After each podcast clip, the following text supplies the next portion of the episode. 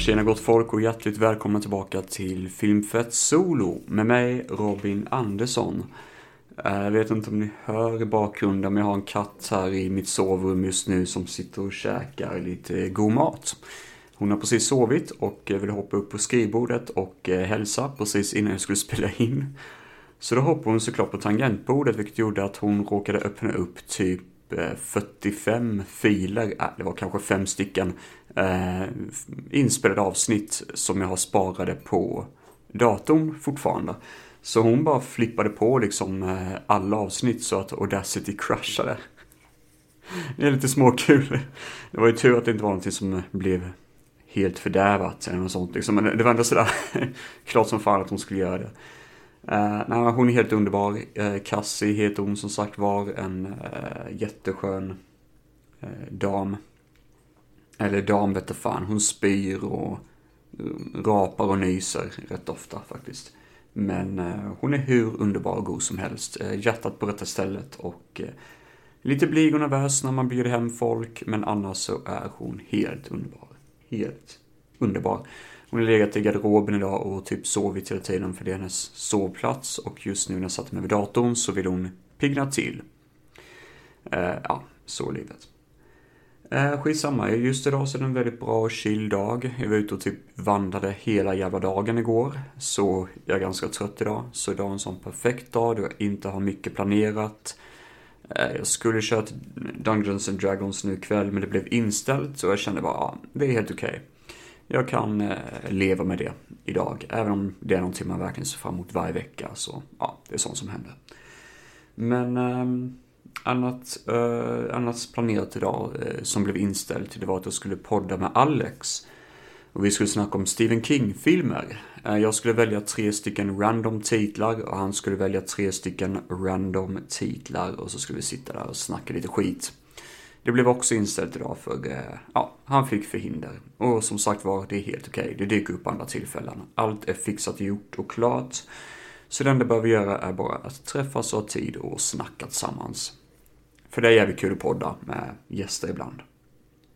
Men det positiva är att vi ska prata om italiensk film idag, för under två veckors tid så har jag klämt in i mitt relativt tjocka schema att se tre stycken filmer som är då en mm, italiensk trilogi då. Um, som um, heter Beyond the Door. Och eh, ingen av filmerna har någonting med varandra att göra. Så jag såg egentligen tvåan först. Men sen i en grupp så fick jag höra att det finns tydligen en trea. Och då blev jag ju sugen på att se ettan också, för jag tyckte att det här är ändå kvalitet nog att kunna presentera för er, mina kära lyssnare, om Beyond the Door. Så eh, jag spelar upp trailern på första filmen och gör mig redo med lite kaffe och sen tycker jag vi sätter igång med första filmen från 1974, vill jag minnas, med titeln Beyond the Door. Mm.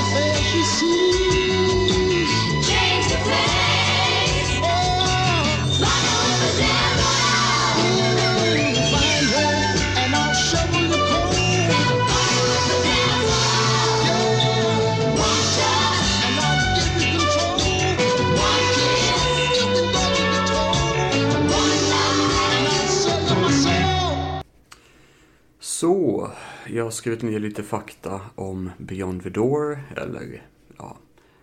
Eh, jag satt och antecknade under tiden jag såg filmen, men jag kan säga redan nu att i serien så är detta absolut den sämsta. Jag tyckte den var otroligt tråkig och jag är inte den enda som tycker det. Jag gick in på en eh, YouTube-kanal efteråt.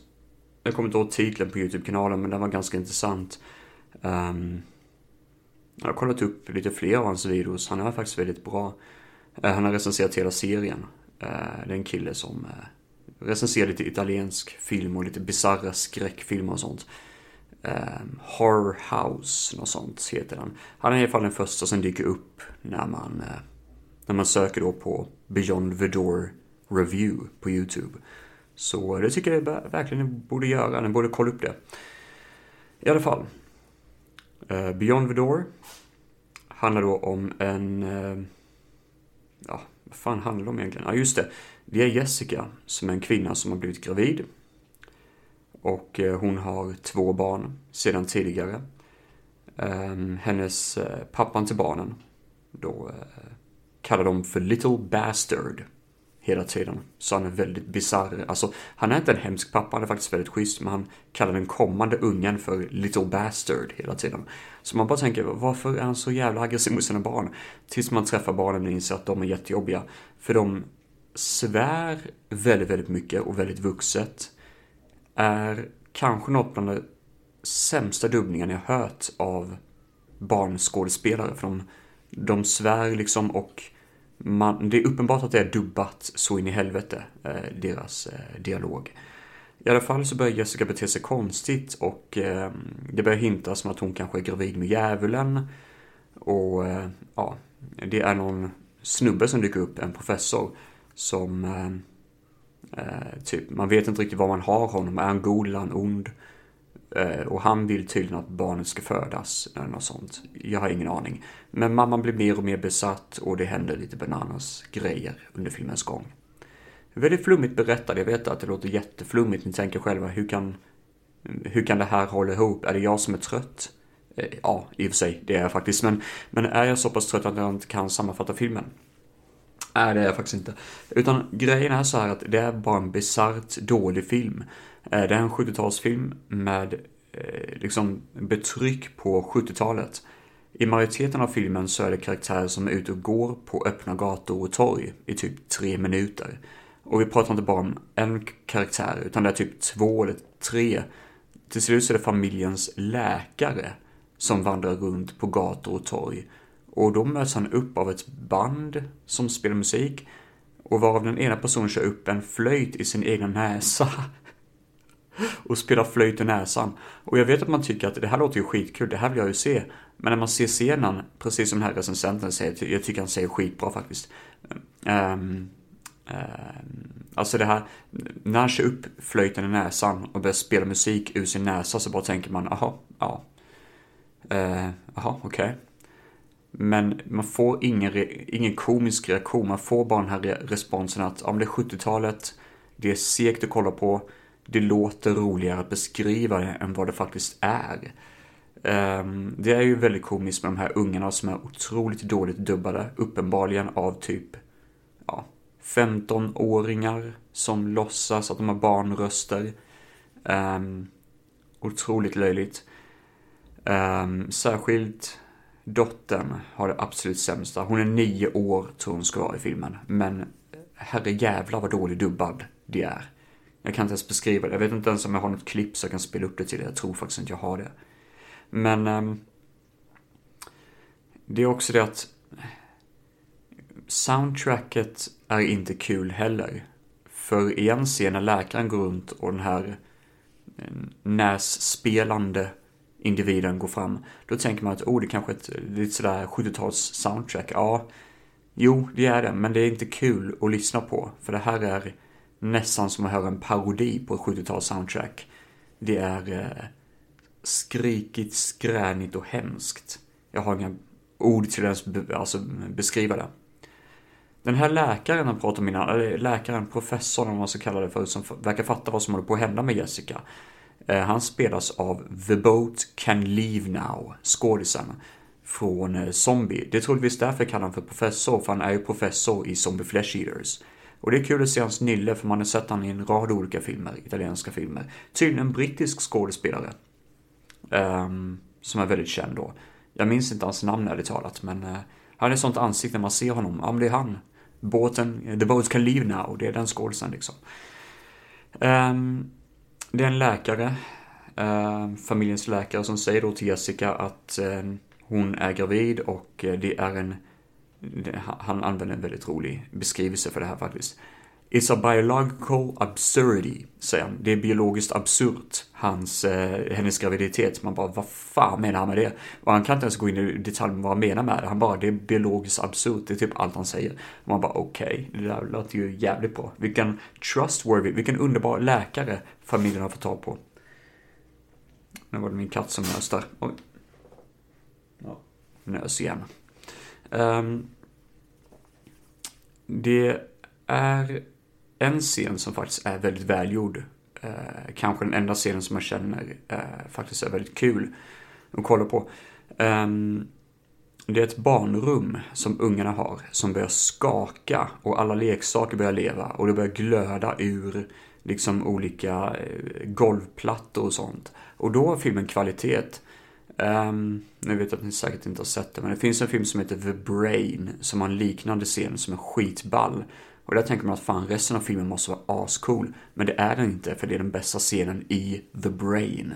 Och det är exakt samma sak här eh, i Beyond the Door. Det här eh, levande barnrummet där alla dockorna börjar eh, kolla på barnen och börjar skratta och hålla på.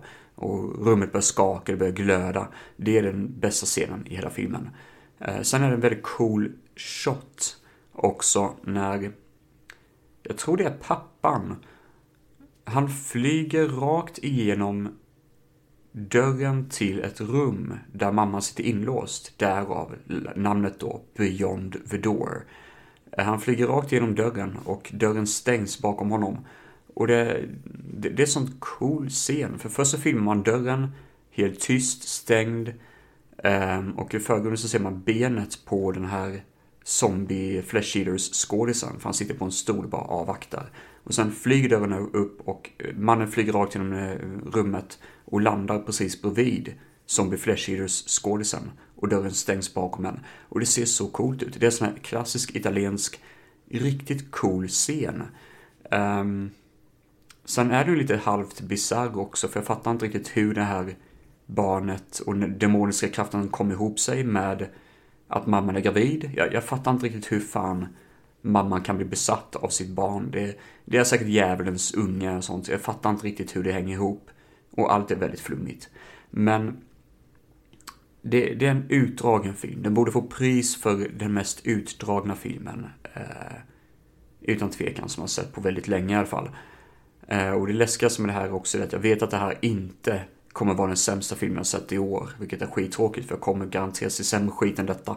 Men den är jobbig att kolla på, den är inte kul att se. Och jag känner bara att det här vill jag få ett avslut på. Vi har även en, ehm, jag tror det är pappan faktiskt, som är en skådis som jag kände igen med krulligt hår. Ehm, men han har typ skägg och mustasch tror jag i denna filmen också. Men han heter Gabriel Lava. Och det är eh, skådespelare från Deep Red av Agento. Eh, det är han som, eh, ja, jag kommer inte säga vem han är för det är inte schysst. Eh, jag vill inte spoila filmen för mycket men han, han spelar en karaktär som är en kompis till huvudrollen i Deep Red. Och eh, tydligen är han också med i Inferno och jag tror det är huvudskådisen, eller huvudaktören i den filmen. Jag har aldrig sett Inferno, Agentos Inferno. Men, eh, ja. Eh, och killen som har regisserat filmen, jag kommer inte ihåg hans namn, jag kan säkert inte uttala det. Men det är samma person som sitter bakom filmen The Visitor som är en underbar, bisarr och fantastisk rulle. Och ni som har sett filmen sitter säkert där hemma och skriker ut Space Jesus! För ni vet precis vad ni menar. Um, eller vad jag pratar om. Um, The Visitor är en skitrolig film, den är helt bananas. Det är också besatthet där en unge skjuter sin mamma i ryggen så hon hamnar i rullstol eh, för livet. Mamman verkar ta det med klackspark typ. Och eh, ungen liksom lever vidare sitt liv utan att polisen ens undersöker brottsplatsen. Ehm, och det tar typ jättelång tid, jag tror det tar typ tre veckor eller något sånt, innan de hittar pistolen som många, alltså det var många som såg det här händelsen också, att det var ungen som sköt mamman. Och ingen ifrågasätter det. Eh, det är sån här underbart bisarr och jättelustig film med mördarfåglar och eh, Lance Henriksen är med också. Och jag för mig han sa att han fattar inte själv vad fan filmen gick ut på. Att de har byter manus konstant. Och den är jätteunderbar och bizarr och snygg utav bara helvete. Jag har faktiskt planerat att jag kommer göra ett avsnitt och bara prata om The Visitor. För det är en film som verkligen behöver det. Eh, ha lite mer eh, eh headlights på sig. Eh, och jag kommer ihåg starkt att det var den första filmen jag såg år 2019, tror jag det var. Eh, för jag ville se en riktigt cool första film och jag fick en, vis en visuellt rolig och underhållande upplevelse. Men i alla fall, det är ju inte The Visitor vi pratar om nu, vi pratar om Beyond the Door. Första filmen är inte rolig, den är ganska tråkig i ärlighetens namn. Um, och uh, ja, det var ju inte den första filmen i serien jag såg heller, som sagt var. Jag såg ju tvåan först. Och anledningen bakom det kommer vi komma in på alldeles strax. Men det roliga är att det är samma unge som spelar i Beyond the Door 2 som spelar eh, eh, sonen i Beyond the Door 1. Och då tänker ni, ja men det är klart att det måste vara samma karaktär i så fall. Nej, nej, nej. Kom ihåg just nu, de har ingenting med varandra att göra. Det är bara titlarna som hänger ihop. Men nej, det här är den sämsta filmen i serien, är jättetråkig faktiskt och otroligt utdragen. Den finns däremot i nuvarande läge på YouTube, så jag rekommenderar att spana in den. Eh, just for fun, helt enkelt. Men nu sätter vi igång med Beyond the Door 2, även känd som Chock. Beyond the Door 2 where evil gives life to the dead and lust for the living. Its hunger can never be killed, only satisfied for now. Step through if you dare. Mama! And be completely possessed by terror. The all-new Beyond the Door 2, rated R.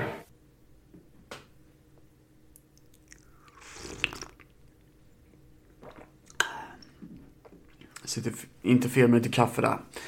Beyond the Door 2, även känd som Chock, kom ut eh, 77 vill jag minnas att det var. Det var någonstans där omkring i alla fall. Och eh, det var ju anledningen till att jag ville se den här filmen var att det var Mario Bava som är regissör.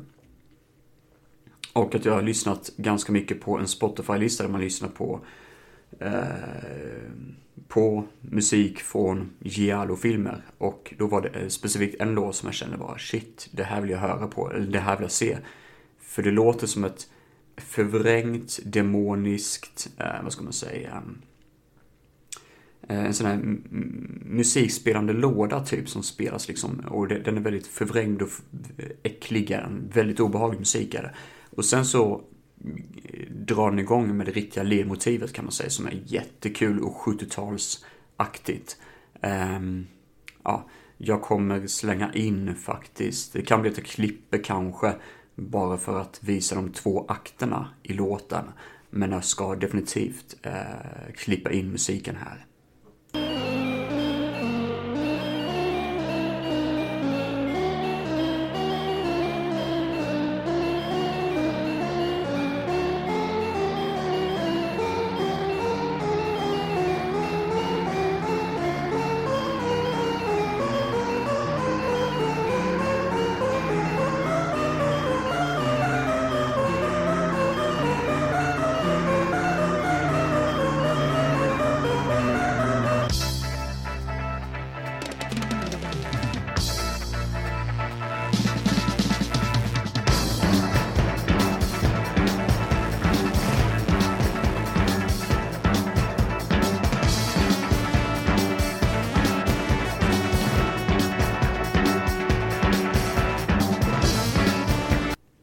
Ja, ni hör ju själva. Direkt när man hör låten så vill man ju se filmen. Vad fan är chock? Tänker ni på då? Vad är Beyond the Door 2? Jo, eh, det här är ju ingen film som har någonting att göra med ettan, utan heter ju bara Chock i Italien. Men tydligen så fick ettan hyfsat okej okay med uppmärksamhet. Så man bestämde sig då att, ja men då, då gör vi detta, eh, amerikanska titeln får bli Beyond the Door 2. Även om de, den egentligen inte har någonting att göra förutom det att ungen i filmen då är eh, samma unge som i ettan, vilket är egentligen bara en tillfällighet. Det sjuka är att det här är Mario Bava, han som gjorde italiensk eh, slasherfilm, eller giallo, till alltså slasherfilm. Det var han som gjorde Bay of Blood, som anses vara den största inspirationen för Halloween, som sen då eh, blev startskottet för amerikansk slasher. Eh, det är i alla fall han som har gjort den här filmen och den sista film som han har producerat um, som regissör. För han dog inte långt efteråt. Däremot så vet jag om att eh, det är inte den sista film som kom ut, utan det var en annan film han gjorde som lanserades långt efter hans död. Typ under 80-talet någon gång.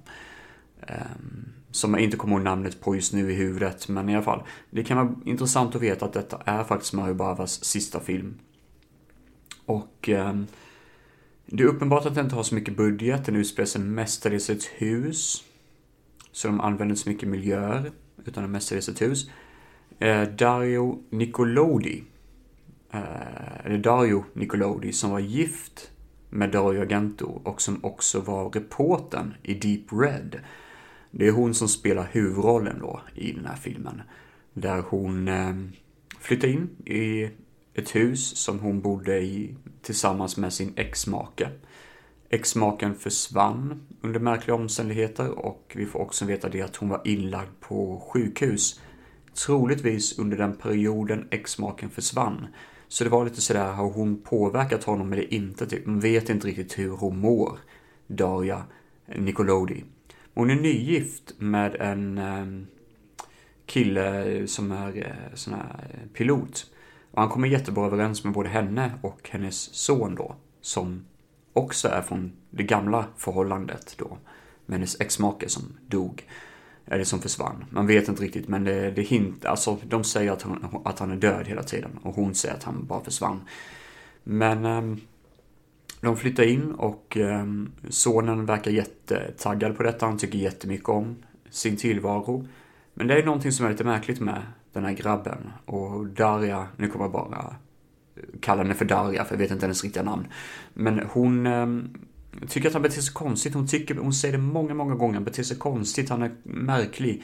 Och han försöker typ döda henne och sådär. Och eh, ja, han är ju lite konstig den här ungen. Han gör ju vissa saker som man känner, ja men vad fan, det är något lut med honom. Man kan sätta fingret på vad det är. Och det är påbörjat ända sedan de flyttade in i det här huset då. Och hon börjar se konstiga saker, hon börjar drömma om en zombiehand som reser sig upp från marken och greppar tag om hennes, hand, eller hennes ben. Hon börjar ha konstiga psykedeliska mardrömmar. Och sonen beter sig konstigare och konstigare. Och den här mannen som eh, är pilot, han är ju ofta borta och reser och jobbar, så han ser ju inte detta liksom. Han tror att den är psyke som börjar falla. Så det är intressant, det är faktiskt väldigt intressant hela filmen då. Um, och det är många hemligheter i det här huset. Det är någonting som är märkligt, särskilt i källaren där.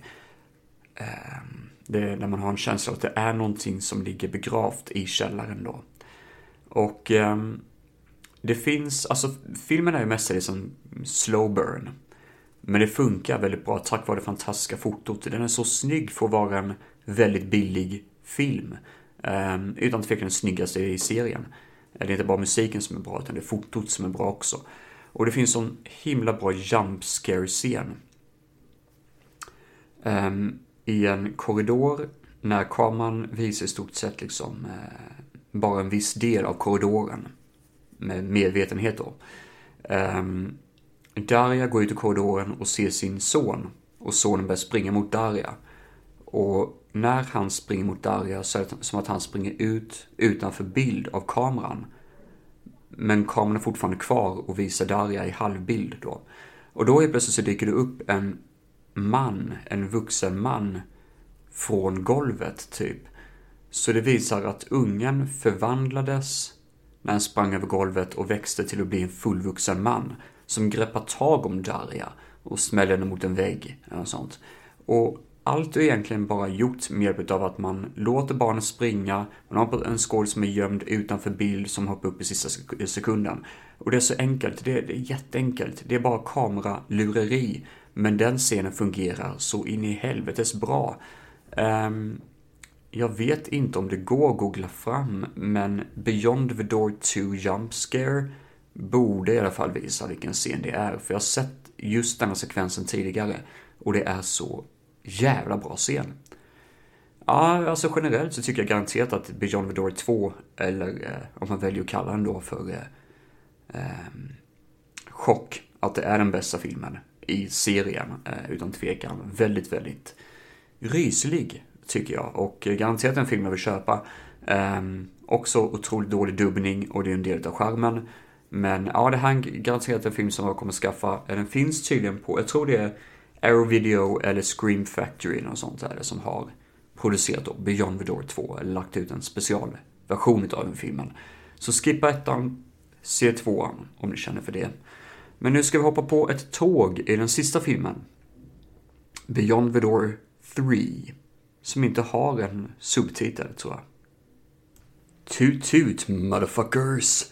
Um, vad fan menar jag med det? Honk honk motherfuckers. Det passar bättre. I alla fall, Beyond the Door 3, eller Beyond the Door 3, om vi ska prata korrekt engelska. Uh, detta är en film med, um, ja, jag tror inte det är några kända skådisar med den, förutom Bo Svensson. Som spelar en professor. Men han är ju inte huvudrollen, han är en liten biroll typ. Dyker upp lite grann i, ja, början och lite grann i slutet. Eh, som det brukar vara. Den här filmen är från typ 89, något sånt tror jag det är, så det är ju ganska långt efter de andra filmerna. Och klämdes ut bara som att, ja, vi kallar den för Beyond the Door Free. Även om det mycket väl skulle kunna heta typ Demon, Demonic Train. Nej, för fan, det lät som en riktigt dålig Asylum-film. Äh, men den skulle kunna heta något sånt Possessed eh, Cargo. Oh, det var ändå en helt okej okay titel faktiskt. Um, I alla fall. Det är några, en skolresa till, eh, jag tror det är Slovenien.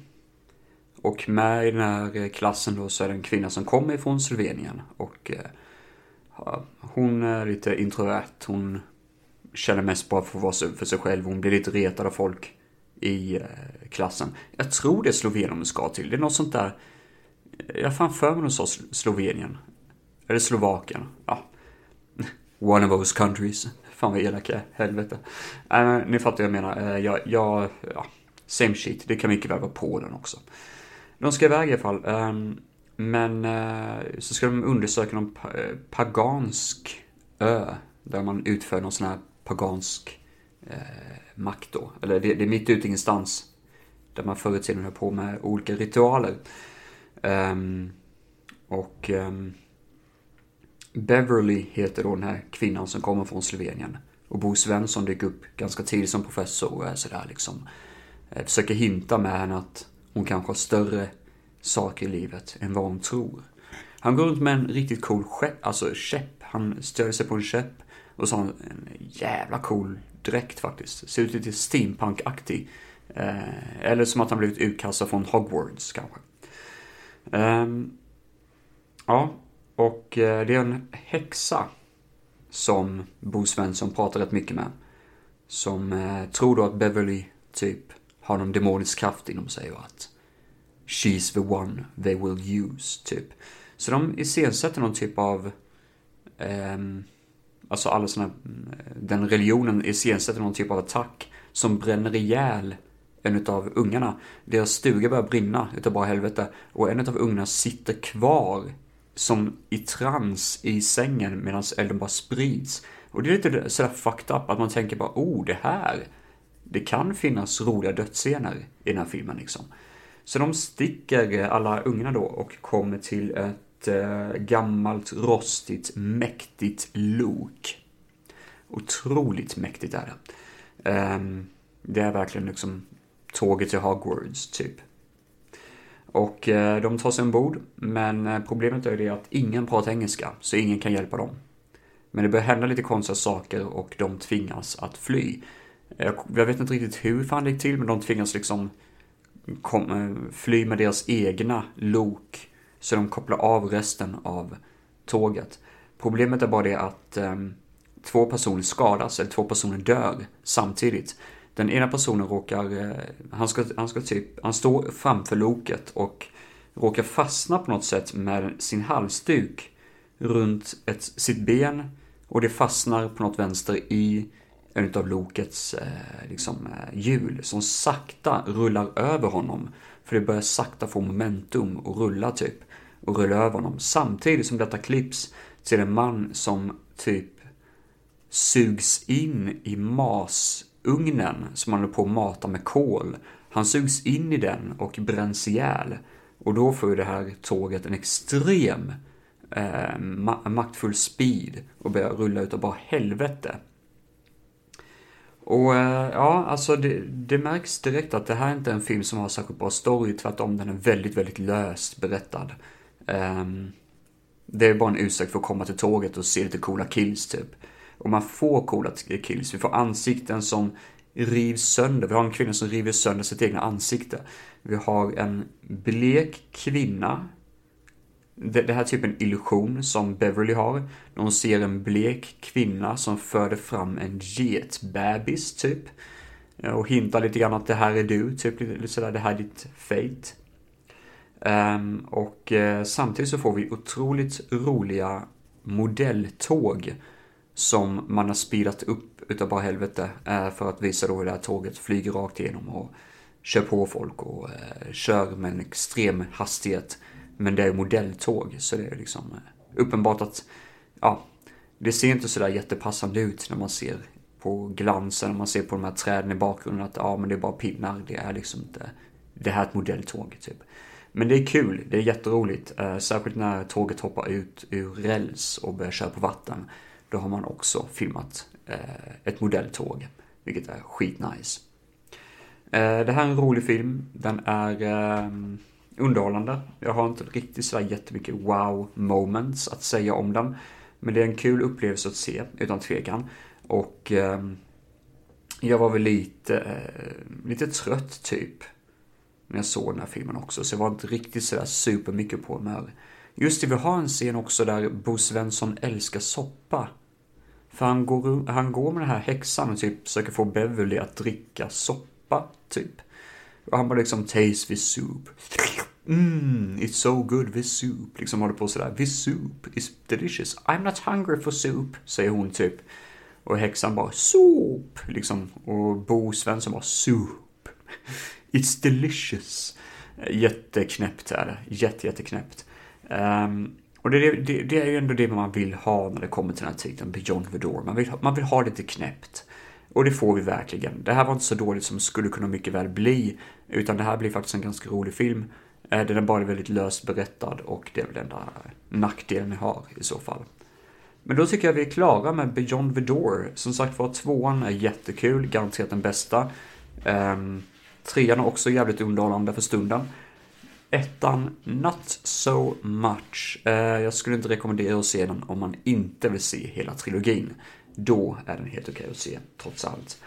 Men vet ni vad, damer och herrar? Vi ska inte göra ett avslut ännu, utan vi ska faktiskt stanna i Miami Vice.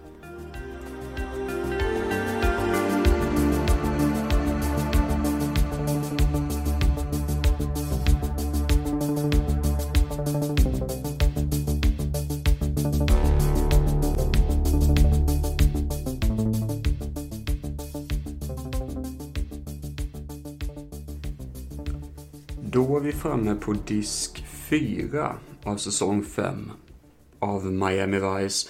Och eh, vi börjar med The Cell Within. Och eh, ja, just det, det här är faktiskt jävligt bra. Vi har tre avsnitt att tugga oss igenom, så det... Men det här är verkligen skitbra, det är enligt mig det bästa. Um, vi har en vanlig drug dealer. Som är low life drug dealer, typ. Och han kidnappas av en vit limo. Och då tänker man, jaha, det här var lite spännande. Sen drar äventyret igång på riktigt då. Och eh, det riktiga äventyret handlar då, eller avsnittet handlar då om att en före detta drogkung som satt i fängelse blev räddad av en filmregissör. Som eh, liksom eh, har räddat honom och gjort så att han inte är kriminell längre, typ. En sån här hederlig människa. Och det är John P. Ryan som spelar den här läraren, eller den här drogkungen. Ehm, det är eh, läraren från Class of 99. Som eh, spelar då den här drogkungen. Och han är en kompis till Rico. Rico Ricardo Tubbs. Ehm, så Rico blir inbjuden till att besöka John P. Ryan, men inser ganska snabbt att för fasen, den här snubben har ju kidnappat folk och har dem i källaren. För John P. Ryan har fått för sig att han ska typ bli det nya rättegångssystemet. Så han kidnappar folk från gatan, eh, prostituerade, drogkungen, sin egna advokat typ. Och eh, hotar då att eh, tortera dem eller döda dem om de inte liksom go the right way typ. Och ehm, eh, Rico tycker det här inte alls är okej okay, så han blir också tillfångatagen och måste försöka hitta sin väg ut. Eh, Sonny är på semester, så det är bara Rico i hela avsnittet. Och jag gillar det, det är skönt. Och man gillar ändå det att Rico måste försöka använda sin list till att övertala eh, John P. Ryan att det här är inte okej. Okay. Eh, väldigt bra avsnitt faktiskt, väldigt originellt och ehm, eh, jag gillar idén. Jag gillar idén jävligt mycket faktiskt. Det är kul med det här med mysko-fängelse. Ja, den är häftig. Um, sen har vi då The Last Madonna som är nästa avsnitt och det här är ganska anonymt då uh, Sonny Crockett och Ricardo Tubbs uh, får hjälp av en um, uh, konstexpert som då spelas av Michael Chiklis från Shield och även från Fantastic Four, det enda bra med filmen Fantastic Four. Um, en jävligt bra skådespelare som faktiskt förtjänar mer, alltså han, han har ju egentligen inte blivit känd typ. Det känns som att han bara haft otur i de filmerna han hamnat i. Men i alla fall, han spelar konstexpert som är lite halvt snobbig men vill hjälpa polisen med att ta fast då några sådana här eh, konsttjuvar. För eh, det är det då som, det handlar om en konststöld. Och eh, Ricardo Tubbs och eh, Sonny Crocker ska då hjälpas åt att gå undercover när konststöldsligan. Eh, Låter lite halvt kul. Men i slutändan är det bara, man ersätter kokain med konst. Det är det enda som är unikt med avsnittet. Så det är inte så jättekul att kolla på egentligen, men det, det fanns en del som ändå var tillräckligt halvroligt i alla fall. Och det är ett kul eh, moment när de kollar på konstverk, eh, alltså som ett montage. När man går runt och kollar på konstverk och det är musik i bakgrunden. Jag kommer inte ihåg vilken låt det är, men det är faktiskt en ganska känd eh, låt som man känner igen sedan tidigare. Ehm, Någonting, någonting Subrority, tror jag det heter den låten. Ja, ja, det, det, det är lite halvkul. Um, jag har svårt för en sak och det är hur polisen konstant eh, häcklar Michael Chiklis, den här konstexperten. Bara för att han är lite halvsnobbig. Jag fattar inte varför, jag tycker inte han är särskilt hemsk. Jag tycker faktiskt han är ganska schysst. Eller ja, det visar sig att han inte är schysst i slutet då, för han eh, visar sig att han också är konsttjuv, men whatever. Det är liksom ändå en sån sak, varför häcklar ni honom? Han jobbar ju med er. Vad är poängen? Han vet, han har kunskap ni inte har. Låt han delge den kunskapen utan att vara nere och klacka ner på honom, vad fan. Så ja, det var lite sådär. I detta avsnittet är det också det eh, gången som man, man faktiskt gick ut och sa att det här är sista säsongen för med, med, med Vice. Det var liksom, eh, ja, det, det var här man annonserade att nu är finalen här, helt enkelt. Eh, sista säsongen. Så ja, men finns inte så jättemycket mer att säga om The Last Madonna. Så då kan vi tracka vidare till nästa då, som heter Over the Line. En eh, glassbil eh, kör runt och outar att polisen håller på att göra en stöt. Vilket gör att polisen misslyckas med stöten för skurkarna flyr. Um, och ja. Man upptäcker att den personen som satt i glassbilen som outade detta, han är tydligen en hemlig insider för en organisation som typ egentligen bara är några vigilantepoliser som typ också vill ta lagen i egna händer. Så de ska försöka eh, knäcka någon stötorganisation, eller någon sån här eh, ond organisation eh, med drog-kingpings genom att ha en person på insidan. Och det är därför de inte vill att Sonny Crockett och Ricardo Tubbs skulle ta fast den här eh, räden. Och det var därför de gjorde det här polisbil, eller eh, glassbilsvarningen, typ. Ja. Eh, det låter ju tråkigt och det är väldigt tråkigt faktiskt, för man har sett det här förr. Eh, Issy är tillbaka, det är lite halvkul, den komiska, eh, halvkorrupta eh, insidern hos polisen. Han är tillbaka. Han som ger lite information till polisen och samtidigt försöker sälja lite tråkiga varor för ovetande medborgare. Han är kul. Eh, ja. Alltså, slutet är ganska kul för det är en politiker som är korrupt och som har skjutit en o, eh, icke-armad eh, tjuv. För att han var liksom sådär Eh, ja, men han hade pistol på sig. Han var redo, att dra eh, ett vapen. Och sen så ser man då på tv att den här politikern går fri utan skuld. Eh, han blir inte ens anklagad för någonting liksom. Så det var intressant slut, men otroligt tråkigt avsnitt. Jag fattar inte riktigt, alltså det, det höll ju inte ihop någonting. Det, var, det kändes som att de var tvungna att mata på lite grann, bara för att få ett innehåll så att avsnittet skulle vara, ha en viss längd. Och det tycker man ju inte riktigt om, det är man ju lite allergisk mot. Nej, men vi börjar närma oss slutet av eh, säsong 5 på Miami Vice och det känns ganska gött. Jag vet inte hur många skivor jag har, jag kanske bara har två stycken kvar eller sånt. Men eh, ja, det känns inte fel alls. Nej, men det var dagens avsnitt då eh, med Beyond the Door och lite Miami Vice där. Så ha det så gött allihopa. Eh, följ mig på Instagram och på Facebook. Och ta hand om er, det ute i världen, för det förtjänar ni. Goodbye!